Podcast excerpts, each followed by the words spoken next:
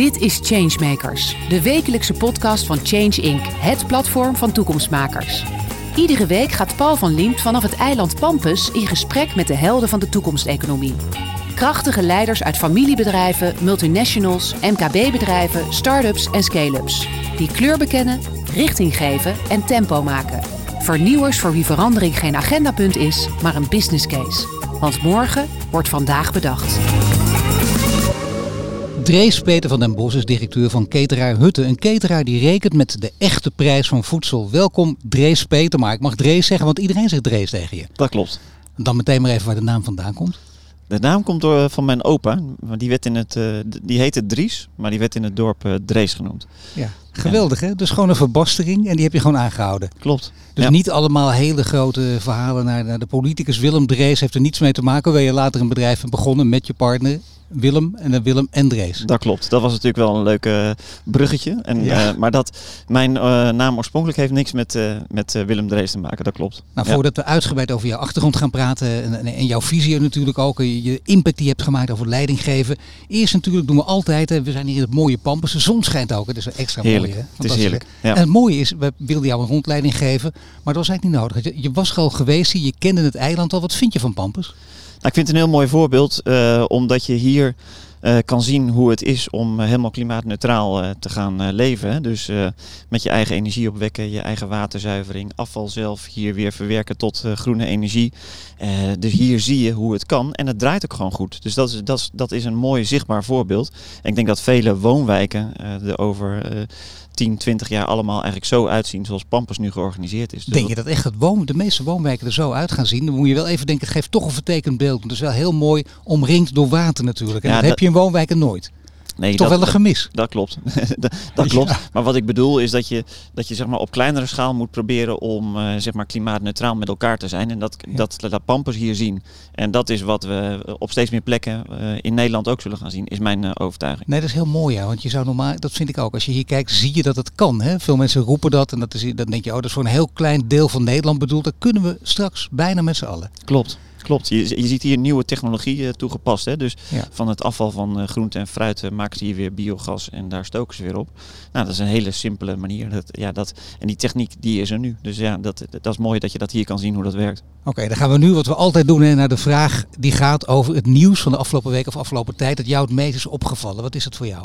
Nou, voor mij was het eigenlijk vanochtend bij mijn ontbijt toen ik de krant las. En toen zag ik dat een, een overheidscampagne over... Uh, wat je allemaal kan doen om kleine stapjes te maken om uh, minder CO2 uit te stoten.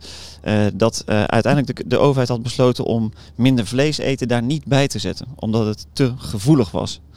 En toen, ja. toen, toen viel ik toch eigenlijk wel een beetje weer van mijn, van mijn stoel af omdat, uh, kijk, op een aantal dingen, je moet de wetenschap wel leidend laten zijn. En er zijn, weet je, het is onomstotelijk dat uh, met de consumptie van vlees gewoon veel broeikasgassen gemoeid gaat. En als ik jou vraag, wat is het makkelijkste om vandaag te doen, kan ik tegen jou zeggen, ja, ga je huis uh, isoleren of ga elektrisch rijden. Maar dat zijn relatief toch hele grote stappen. En het makkelijkste wat je kan doen, is vandaag anders gaan eten.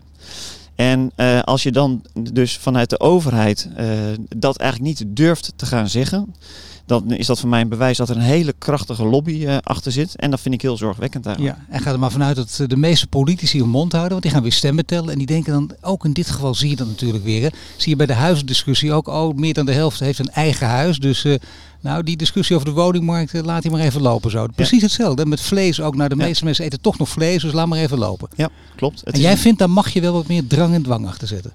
Nou, ik vind dat je in ieder geval gewoon moet starten met de waarheid. En, uh, en als je die uit de weg gaat, dan heb ik een serieus probleem. Dus over meningen, dus ik geef iedereen zijn recht op zijn mening. Maar ik zou wel graag de wetenschap daar wat buiten willen zetten. Want daar is inmiddels gewoon genoeg onderzoek naar gedaan. En dan kun je uh, vervolgens kijken hoe je dat gaat toepassen. En, en wat precies. de beste manier is en hoe je mensen gaat verleiden. En dat het leven niet heel somber en saai gaat worden, heel leuk kan zijn. Maar dat is natuurlijk erg belangrijk, lijkt mij. Hè? Absoluut. Dat zie, daar zie je het ook vaak misgaan. Daar komen we nogal op. Ja beginnen met jou. Je studeerde aan de Wageningen University. Je ging werken bij Unilever. Daarna dus het bedrijf Willem en Drees.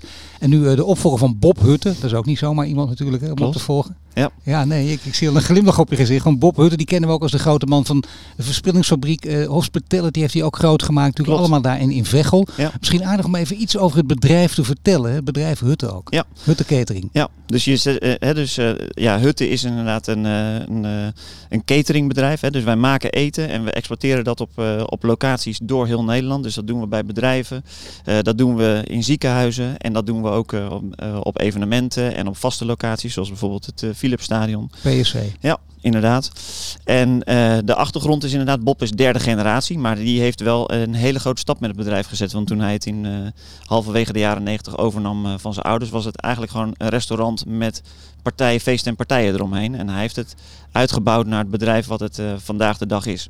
Ja, Ja. financieel dus groter gemaakt, maar ook eh, qua impact veel groter gemaakt. En meer passend ook in deze tijden. Zeker. Ook zeker. meer passend in deze podcast. Ja, dat klopt. Hè, Dus wat dat betreft is Bob echt een voorloper, omdat hij eigenlijk altijd de mens centraal heeft gezet. Hè. Dus Hutte draait ook uiteindelijk om eh, mensen gelukkig maken. En dat, dat klinkt heel Ja. groot, maar het gaat uiteindelijk altijd om hele kleine momentjes op een dag waarin je net iets van geluk zeg maar, kan toevoegen. Dus dat kan ook een kopje koffie met een glimlach zijn, zo gezegd. En daar, dat denken, eh, dat zit er bij Bob heel diep in. En vervolgens heeft hij ook gezien, ja, en dan moeten er ook wat dingen veranderen in het hele systeem. En daar is de verspillingsfabriek een heel mooi voorbeeld van. Ja, het aardige is wel dat eh, nieuwe leiders vaak, lees je bijna alle managementboeken, moeten afrekenen met, eh, met, de, met de gedachten en de ideeën zelfs van de vorige leiders.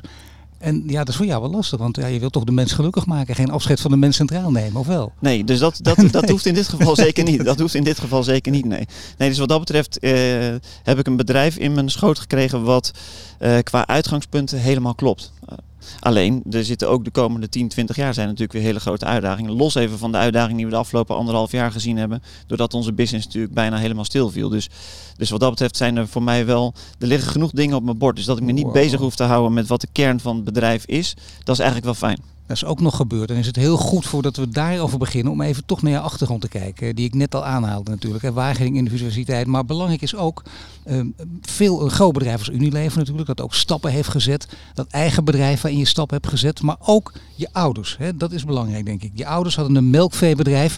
En het zou kunnen zijn dat het enorm botst aan thuis. Ja, nu is zo, hè, dus, de, dus mijn ouders hadden een melkveebedrijf. Mijn vader was zelf niet de boer, mijn vader was eh, dierarts. Maar daar is inderdaad, maar het klopt inderdaad dat het soms wel eens eh, botst eh, thuis. Dus ik heb met mijn vader hele interessante discussies inderdaad over eh, eh, het hele voedselsysteem in zijn algemeenheid. En waar dat eh, heen moet. Dus ja, Maar zeker. het is fantastisch. Ik bedoel, dat, dat Ja. is al heel mooi. De geest is scherp als je jong bent. Ik, ik snap dat het ook af en toe onprettig kan zijn. Maar Ja. het is toch voor de geest scherp heel goed ook. Hè? Ja. En nu is het voor mij, kijk, toen ik in Wageningen studeerde, had ik, was dat zaadje ook nog niet zo diep geplant dat het echt anders moet. Hè? Dus ik ging naar Wageningen omdat ik heel geïnteresseerd was in eten en de keten en hoe dat allemaal in elkaar zat. Maar ik had één droom. Ik wilde bij Unilever werken, want dat was de grote Nederlandse multinational actief in eh, eten en drinken. Dus daar wilde ik aan, aan de gang. En daar zat niet direct een, eh, een, een diepere wens achter van, want, want die zijn zo goed bezig als het gaat over het milieu. Waar is die wens vandaan gekomen? Van toch afzetten tegen de vader, want daar begint het vaak wel mee. Hè? Zo altijd ten diepste kijken waar het vandaan komt. Het is altijd iets met papi of mami. Nou, dat was eigenlijk misschien juist wel dus dat ik koos voor Unilever. Want dat, mijn vader zei ook altijd, oh dat is zo'n mooi groot bedrijf. Dus, dus, dus die kreeg ik inderdaad. Maar inderdaad, dus toen na tien jaar, en daar kwamen toch mijn diepste roots eh, naar eh, wat doen die boeren in Nederland eigenlijk. Dus na tien jaar Unilever besefte ik mij steeds meer waar komt dat eten op mijn eigen bord vandaan. Wie zit daar precies achter? En toen ging ik wel kritisch kijken naar en hoe doet Unilever dat dan? En toen dacht ik wel, dat is eigenlijk toch niet goed te verenigen. Ik wil eh, meer weten, ik wil meer verbinding met mijn eigen eten. En ik denk dat het goed is dat we een, een systeem opbouwen wat start eigenlijk meer vanuit lokale korte ketens. Ja, dat is een verhaal wat, je, wat, wat, wat, wat niet zeg maar aansluit bij de dagelijkse praktijk van Unilever. En wel, een- wel een verhaal waardoor je het jezelf ook moeilijk maakt natuurlijk. En niet alleen binnen je bedrijf, maar ook bijvoorbeeld in de relatie met de mensen die je hebben opgevoed. In dit geval je vader. Hoe ging het toen de discussie? Nou, de ik weet nog dat ik inderdaad eh, mijn vader eh, opbelde en zei van ja, ik heb besloten dat ik stop bij Unilever en dat ik eh, voor mezelf ga beginnen. En daar hebben we best wel lang over, over gediscussieerd. Uiteindelijk, wat wel mooi is, uiteindelijk heb je vaak in eerste instantie ook wat financiering nodig. Dus uiteindelijk heeft hij me daar toch ook wel weer bij geholpen. Dus, Ja.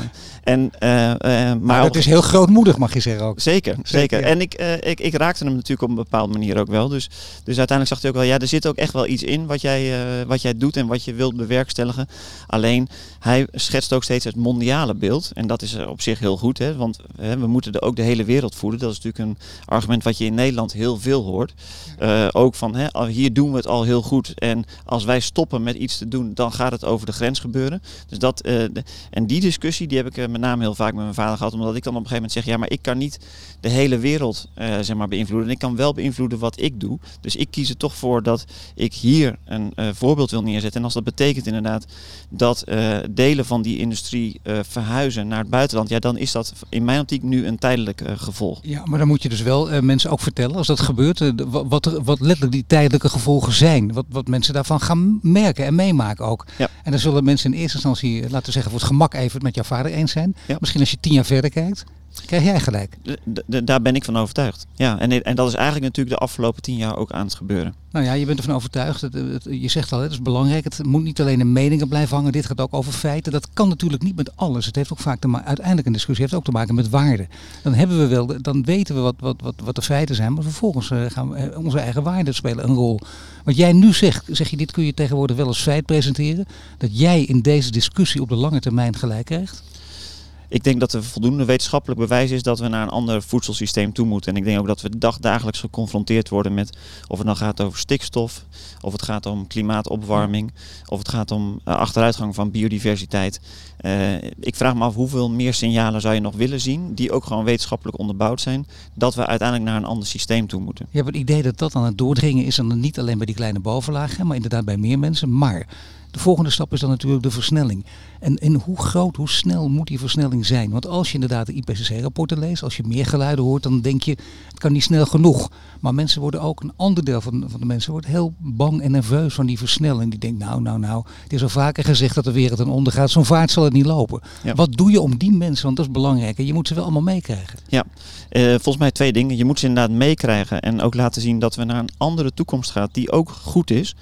Maar het, het komen naar die toekomst, dat, dat betekent wel dat je afscheid moet nemen van een aantal dingen. Maar dat is niet per definitie altijd achteruitgang. Dus ik wil het toch weten, Drees. Waar moeten we afscheid van nemen? Uh, we moeten afscheid nemen van, uh, van, van vlees voor een heel groot deel. Uh, we moeten afscheid nemen van vliegen, bij wijze van spreken. We moeten afscheid... Nou, bij wijze van spreken. Nee, we moeten afscheid nemen... mensen die zeggen, dat doen we niet meer. Of ik, ik, Ja. ik vloog zes keer per jaar en nu doe ik twee keer per jaar. Ja, nou dat. Maar neem je voor jezelf dat soort beslissingen ook of niet? Ik ben vegetarisch geworden inderdaad. eh, eh, Nee, maar ik heb het geleden. vliegen. Vliegen ook, ja. Maar wat bedoel je met vliegen? Dat je, dat je heel veel vloog. Je, je ging echt continu de wereld Nou, rond en nu bijna dat, niet meer? Dat viel wel mee, maar ik ben wel heel erg kritisch op. eh, maar het is een goede vraag, want ik heb drie kinderen en je hebt een drang om die kinderen de wereld te laten zien. Ehm, en, en daar zijn we wel heel kritisch mee bezig met, met wat, gaan, wat doen we dan wel en wat niet. Dus dat betekent ook natuurlijk niet nooit meer, maar het betekent wel heel erg weinig. Ja, maar je ziet, er zijn zoveel tegenstrijdigheden ook. Hè? Of, Ja. of, of, of verschillende belangen die hierbij een rol spelen. Ja. En dan is het heel moeilijk om, om zelf niet het goede voorbeeld te geven. Wel vinden dat anderen het moeten doen. Dat zal altijd toch de crux blijven, ook in leiderschap. Dat ben ik met je eens. Dus ik denk inderdaad, dus mijn denken is inmiddels zo dat stel inderdaad dat, dat ik nooit meer zal vliegen, wordt mijn leven dan echt heel veel minder. En ik, ik betwijfel dat. Ja, in, in welke zin? Ik denk dat, ik, eh, dat het niet essentieel is voor mijn levensgeluk. We hebben heel lang gedacht dat het heel verrijkend is. Hè? Dat Ja. was altijd het verhaal, ook het mooie excuus. Ja, ik weet het is niet goed, maar het is fantastisch. We komen met andere culturen in aanraking en daar worden wij groter en rijker van. Ja. Dus misschien inderdaad wel één bezwaar daartegen is dat, dat alle, de hele wereld ook steeds meer op elkaar begint te lijken. Ja. Zeker binnen Europa. Het Ja. was in Nederland, hè? Alle, alle steden lijken op elkaar. Heerenveen en Geleen zijn hetzelfde. Daarna denk je, ja, Lissabon, Barcelona, Rome, Amsterdam begint ook al behoorlijk in die winkelstraten op elkaar te lijken. En Ja. langzaam gaat het nog verder. Dat klopt. Dat klopt. Dus, ik, dus ja, nogmaals, ik vraag me af wat het, eh, of mijn eh, levensgeluk uiteindelijk afhangt van dit soort dingen. En zo moet je volgens mij wel gaan kijken en dan gaan strepen van, eh, ja, wat, wat hoeft Ja, eigenlijk hoe oud niet zijn jouw kinderen, Drees? Eh, die zijn 11, 14 en 16. Ja, die kunnen meeluisteren. Die horen dit. Die weten dus al nu van wij willen lekker reizen, wij willen de wereld gaan verkennen. Maar daar zit het niet in. Tenminste niet via de lijn, papi. Moeten we anders gaan doen. ja, nou, dat weten ze. Weten, heb je het thuis al verteld? Of is het voor het eerst dat ze het nu Dit, kennis dit, van dit, nemen? dit horen ze nu voor het eerst. Oh, dat vind ik heel goed. Nou, eh, jongens en meisjes. Nee, we hadden een reis naar, eh, vorig jaar naar Tanzania gepland inderdaad. Die ging niet door vanwege eh, COVID. Dus die, die, die bonnen, die heb ik inderdaad nog. Dus dat is een... dus dat, oh dus dat- jee. ja. Nou goed, de kinderen van den bos weten waar ze aan toe zijn. Dat is duidelijk. Dat is wel één van de grote voordelen van deze podcast. Alleen dat al, ja. Nu is er nog iets. Je zei, we hebben wel een uh, mooi woord, of een heel lelijk woord eigenlijk, maar we weten allemaal wat je ermee bedoelt, tussen aanhalingstekens, met die uitdaging te maken gehad van corona. En jullie natuurlijk als cateringbedrijf ook. En dan ben je op de goede weg, je neemt grote stappen, je hebt een naam opgebouwd. Wat is er gebeurd in die periode? Nou, in eerste instantie val je stil voor uh, twee van je drie grootste markten. Dus de zorgmarkt liep gewoon door. Uh, bedrijfskatering en zeg maar meeting en events. dus partijen, feesten en horeca, die kwamen helemaal tot stilstand. En vervolgens heb je eigenlijk nu anderhalf jaar gehad waarin je dat ziet ontwikkelen naar wat het eigenlijk in de toekomst gaat worden. Waarbij het eigenlijk zo is dat als wij naar zeg maar, onze meeting en events kijken, dat gaat gewoon terugkomen uh, op een moment dat corona ook echt helemaal voorbij is. Of in ieder geval dat we de manier gevonden hebben om er mee te gaan leven. Uh, als je kijkt naar bedrijfsketting is de markt echt fundamenteel veranderd. Omdat thuiswerken natuurlijk een, uh, een onderdeel is geworden van het normale werken. Um, maar daar zitten ook weer positieve kanten aan. Want je ziet dat bedrijven dan eigenlijk veel meer beleving juist willen. Op het moment dat mensen wel naar kantoor komen. Dan kom je weer op die hospitality waar Bob het ook altijd over gehad heeft. Ja. Uh, dat staat dan juist heel erg centraal. En hoe zorg je ervoor dat die mensen zich dan echt fijn voelen en in teams kunnen samenwerken, dingen kunnen beleven, lekker kunnen eten. Ja, dan denken wij, die markt, daar zijn wij helemaal voor, uh, uh, voor opgestaan. Zeg maar. Dus. maar wel uitgaande dus van hoe dan ook thuiswerken, dat, dat wordt een blijver. Dat is, ja. Want je ziet toch bij veel bedrijven dat, dat het anders is. Hè? De grote partijen, waar we het niet van verwachten, als Google bijvoorbeeld, die zeggen je krijgt meer geld als je, als je naar, je, naar, je baan komt, als je naar je werk komt, naar kantoor dus komt en niet thuiswerkt. Ja. Nou, het grappige is eigenlijk dat uh, we, we, natuurlijk de afgelopen anderhalf jaar heel veel scenario's hebben gemaakt. Ja. En dan steeds ook zijn gaan nadenken van hoe gaat die markt er dan precies uitzien. En wat je op dit moment ziet, en misschien is dat over twee maanden weer heel anders, maar wat je op dit moment eigenlijk ziet is dat er is geen eenduidigheid. Hè. Dus, dus, dus je ziet hele grote verschillen. Dus er zijn bedrijven die zeggen mensen zoveel mogelijk weer terug. En dat en er zijn bedrijven die zeggen nee, uh, uh, juist misschien maar één dag per week naar kantoor. En er zijn bedrijven die, uh, die, zijn, die zitten daar een beetje tussenin. En het, wij zien nog niet een hele duidelijke lijn. Het enige is wel, gemiddeld genomen gaan mensen meer thuiswerken. Dat Ga daar maar vanuit, hoe dan ook, in alle scenario's. Ja ook een belangrijke voor jou, een hele belangrijke denk ik in jouw leven, nu jouw werkzame leven ook is de true price. En met name als het over voedsel gaat. En die hele voedseltransitie speelt dat een grote rol. En ook daar krijg je weer, hoe krijg je de mensen mee? Want true price, wij spraken hier net bij onze rondleiding op Pampus ook met mensen. En, en die zeggen, ja, ik, ik, wil wel, maar dan moet ik veel meer gaan betalen voor een, een, een goed, hè, gezond bakje fruit. Ja. En dat ga ik niet doen. Want dat, dat is voor mij lastig. En daar kijk je toch net anders tegenaan, of niet? Ja, nou misschien eerst even over het, waarom True Price. Zeker. He, want het is geen doel op zich, maar het is een middel. En het, het is niet om te pesten bedoeld. Hè? Nee, het is zeker niet nee, om te pesten. Nee, het, gaat, het gaat er alleen om dat uh, ieder product wat je nu tot je neemt, uh, daar zit een bepaalde belasting in. En dat kan zijn uh, ten aanzien van CO2, dat kan zijn ten aanzien van watergebruik, landgebruik, maar ook onderbetaling van mensen. Dat zijn allemaal zogenaamde externaliteiten. En die verrekenen we nu niet in de prijs. Dus we doen het nu gewoon we rekenen alleen maar op wat het vandaag de dag kost. En als ik niet hoef te betalen voor CO2 of achteruitgang van natuur, dan, uh, dan is dat een gegeven. En dat product concurreert nu met een product waar al die elementen al veel meer in zitten. En dan zeggen we dat dat product waar al die elementen al veel meer in zitten, dat is veel duurder. En dat is oneerlijk. Want uh, de CO2 die we vandaag uitstoten, te veel uitstoten met z'n allen, die zal door de toekomstige generaties gecompenseerd moeten worden. Die krijgen met de gevolgen te maken. Dus is het heel logisch dat je zegt, de die kan ik inmiddels gewoon heel duidelijk klassificeren en ook berekenen, laat ik die toevoegen aan de prijs. Want wat doet dat? Dan laten we een hele simpele keten, keten even nu nemen, bijvoorbeeld van varkensvlees. Nu produceren we soja in Brazilië, dat laten we met een boot hier komen. We geven het hier aan onze varkens en het vlees gaat naar uh, China toe. En die keten kan niet of een, een, een, lokale keten als alternatief. Dus dat ik mijn uh, voer lokaal verbouw en dat geef ik hier aan mijn varkens en ik probeer dat in de, in, zeg maar de nabijheid te verkopen. Dan is dat nu duurder. Dit kan niet met elkaar concurreren. En als ik al die externaliteiten wel zou berekenen, dan is die andere keten ineens gewoon concurrerend. En daar, eh, daar moet je naartoe, want dan kom ik terug op jouw punt. Als we het gewoon aan de consument laten, want dat is eigenlijk wat we nu doen. Nu zeggen we tegen de consument, loop naar de winkel. Je, hebt, uh, je wil 5 euro uitgeven. En nou ja, kies maar. Ja, die consument kiest dan natuurlijk voor het goedkoopste alternatief. En dat ja. kan je hem ook niet kwalijk nemen. Dus wat je moet doen, is eerlijk rekenen en de echte prijs berekenen, dat wil niet per definitie zeggen dat alles onbetaalbaar wordt. Want je krijgt meteen van die doemscenario's, maar dat is gewoon niet waar. En, uh, en, en gewoon de eerlijke prijs berekenen, daarmee stimuleer je enorm dat dus uh, alternatieven zeg maar veel sneller ontwikkeld kunnen worden. Dus het is een heel, heel overtuigend verhaal hè, tot nu toe, moet ik zeggen. Behalve dan het woord externaliteiten. Dat lees ik ook vaak in interviews bij jou. Bedoel, dan haak je wel af. Hè. En dan zeg je tegen mensen, ja let even, en de externaliteiten, dan, waar gaat het over? Het is belangrijk gewoon dat je zegt, luister even, mensen staan voor de keuze en dat kunnen ze eigenlijk niet aan. En dat lijkt heel gek en heel paternalistisch, maar je hebt gelijk, er zijn heel veel boeken geschreven over keuzevrijheid en de keuzestress die mensen ervaren. Ja. Nou, zorg dat ze wat minder stress krijgen. Daar komt het eigenlijk op neer. Daar komt het eigenlijk Dus je helpt ze ook. nee, het is, het is toch waar ook. Dat klopt. En een ander punt uh, is inderdaad dat wij, uh, wij denken altijd dat mensen heel erg prijsbewust zijn. En dat is niet zo. Mensen zijn vergelijkingsbewust, zeg ik altijd. Dus als je voor het schap staat en je kan kiezen uit twee alternatieven, dan is het goedkoopste alternatief gewoon het meest aantrekkelijk. Maar op het moment dat ik gewoon nu hier straks op de boot terug of gewoon in het centrum van Amsterdam tien man van een fiets uh, trek en vraag wat kost een kilo tomaten, dan kan echt niemand mij dat vertellen. Dus als ik gewoon de nette prijs voor tomaten ga rekenen, heeft niemand daar ook direct pijn van. Nee, maar je ziet natuurlijk wel dat economen met verhalen komen door de geschiedenis heen en daar schrikken mensen wel van dat je bijvoorbeeld, ik noem maar wat, hè, dat je zegt ik weet niet precies hoe het is, maar dat moet jij mij maar corrigeren, maar dat je zegt uh, eh, 30 jaar geleden betaalden wij 30% van ons totale inkomen besteden wij aan voedsel. En nu betalen we nog maar 10%. Ja. Omdat de industrie steeds verder ontwikkeld is en daarop mikt ook. Ja. ja, als die verschillen zo groot zijn en als je dan de boodschap nu doorgeeft aan de hand van economenlijsten. We gaan weer van 10 naar 30%. Dan schrikken mensen natuurlijk wel. Ja, maar je hoeft ook niet terug naar 30%. Dus als je, uh, kijk, en ik denk dat het uh, helemaal niet erg zou zijn als uh, eten iets centraler in ons leven zou komen te staan. Hè, dus als je even teruggaat naar honderden, misschien duizenden jaren geleden waren we 80% van onze tijd bezig om het eten voor die dag te regelen. Nou, nu is het allemaal zo ongelooflijk achterloos en is eten gewoon even erbij.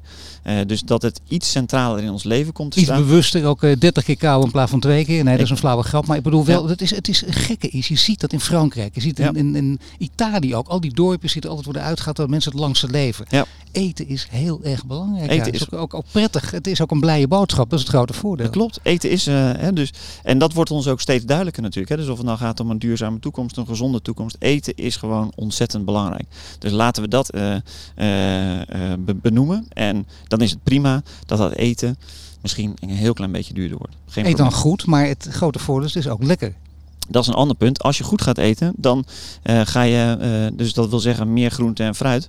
Dat is gemiddeld genomen goedkoper dan, uh, dan andere dingen zoals bijvoorbeeld vlees.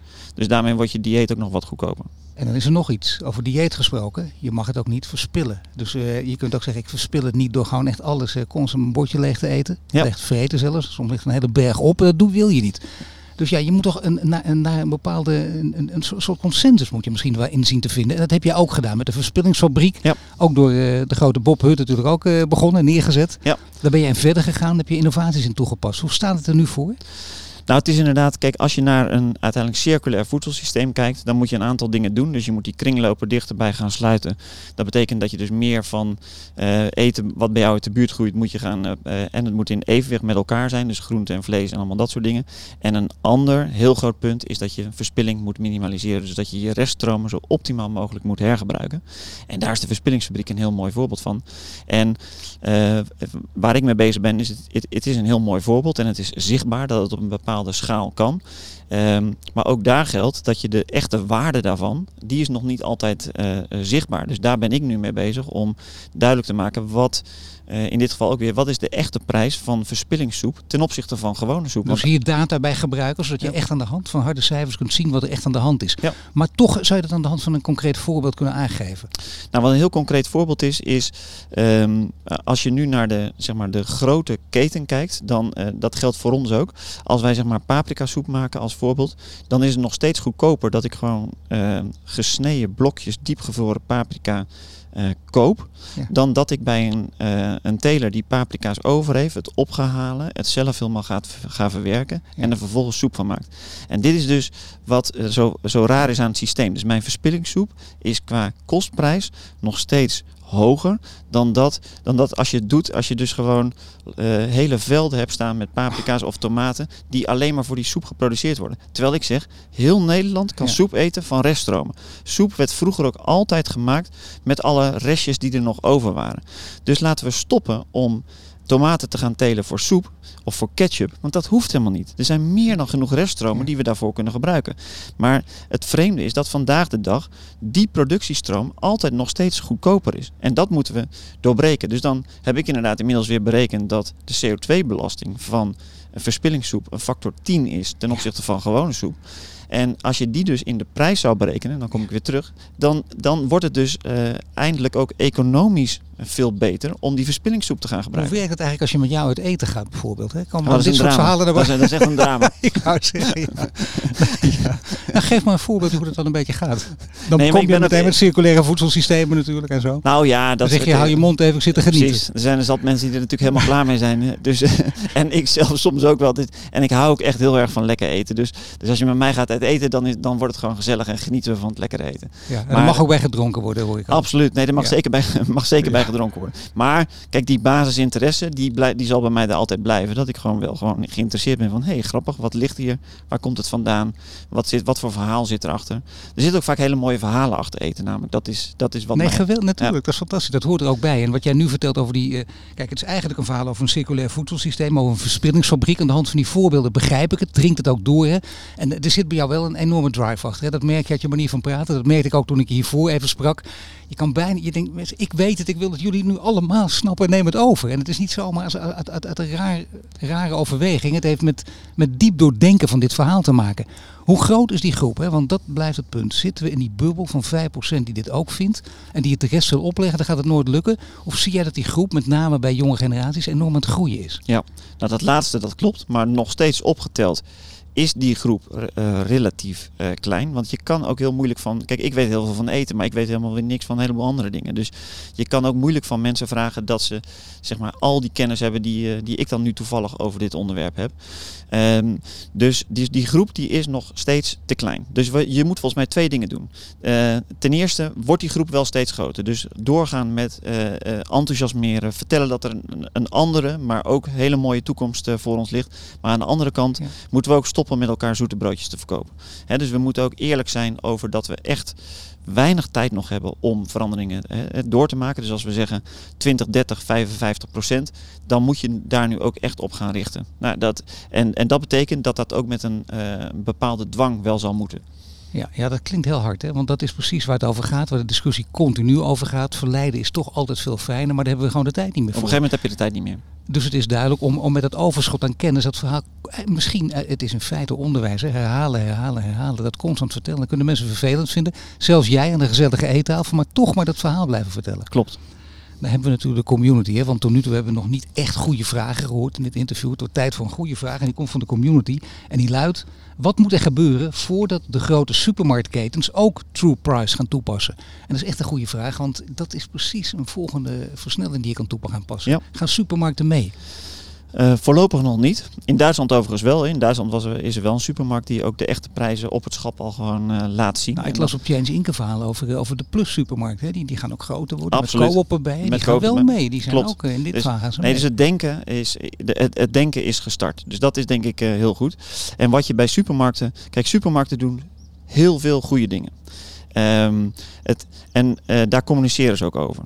En wat volgens mij de grote verandering moet zijn, is dat je niet uh, alleen maar communiceert over we hebben zoveel plastic gereduceerd, we hebben zoveel. Maar dat je echt vanuit dat einddoel, want dat doel dat staat redelijk duidelijk. We moeten klimaatneutraal worden, dus echt neutraal. En als we dan gewoon de normale klimaatakkoorden volgen, dan zeggen we straks 55% van de CO2 moet gereduceerd zijn in 2030. Als supermarkten nu echt hun verantwoordelijkheid pakken en uitrekenen wat al het eten wat door hun winkel gaat, hoeveel CO2 daarmee gemoeid gaat. Nou, dat, dat kan nu gewoon berekend worden, dus dan heb je een getal. En vervolgens zeg je 55% in 2030.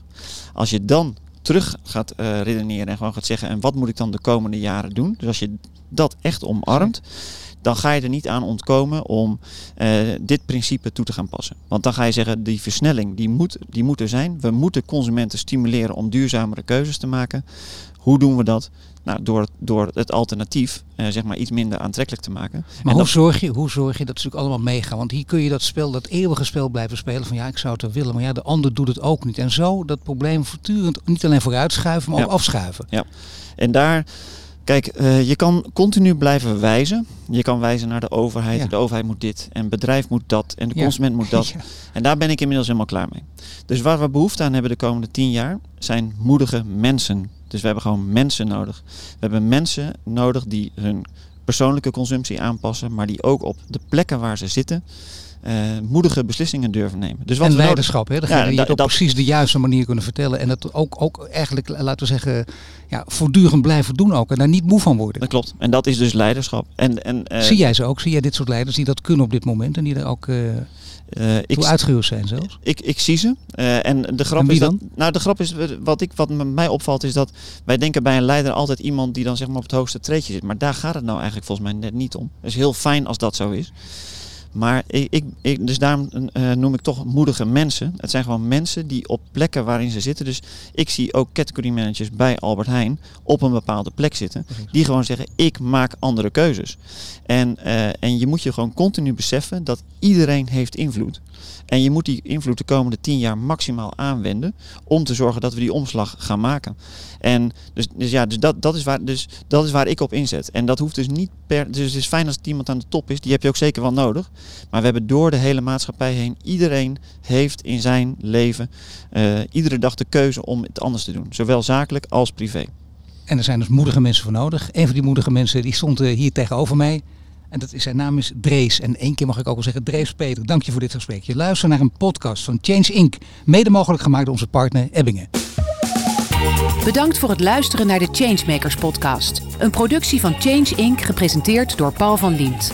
Wil je dat meer mensen geïnspireerd worden? Deel de podcast dan op sociale media.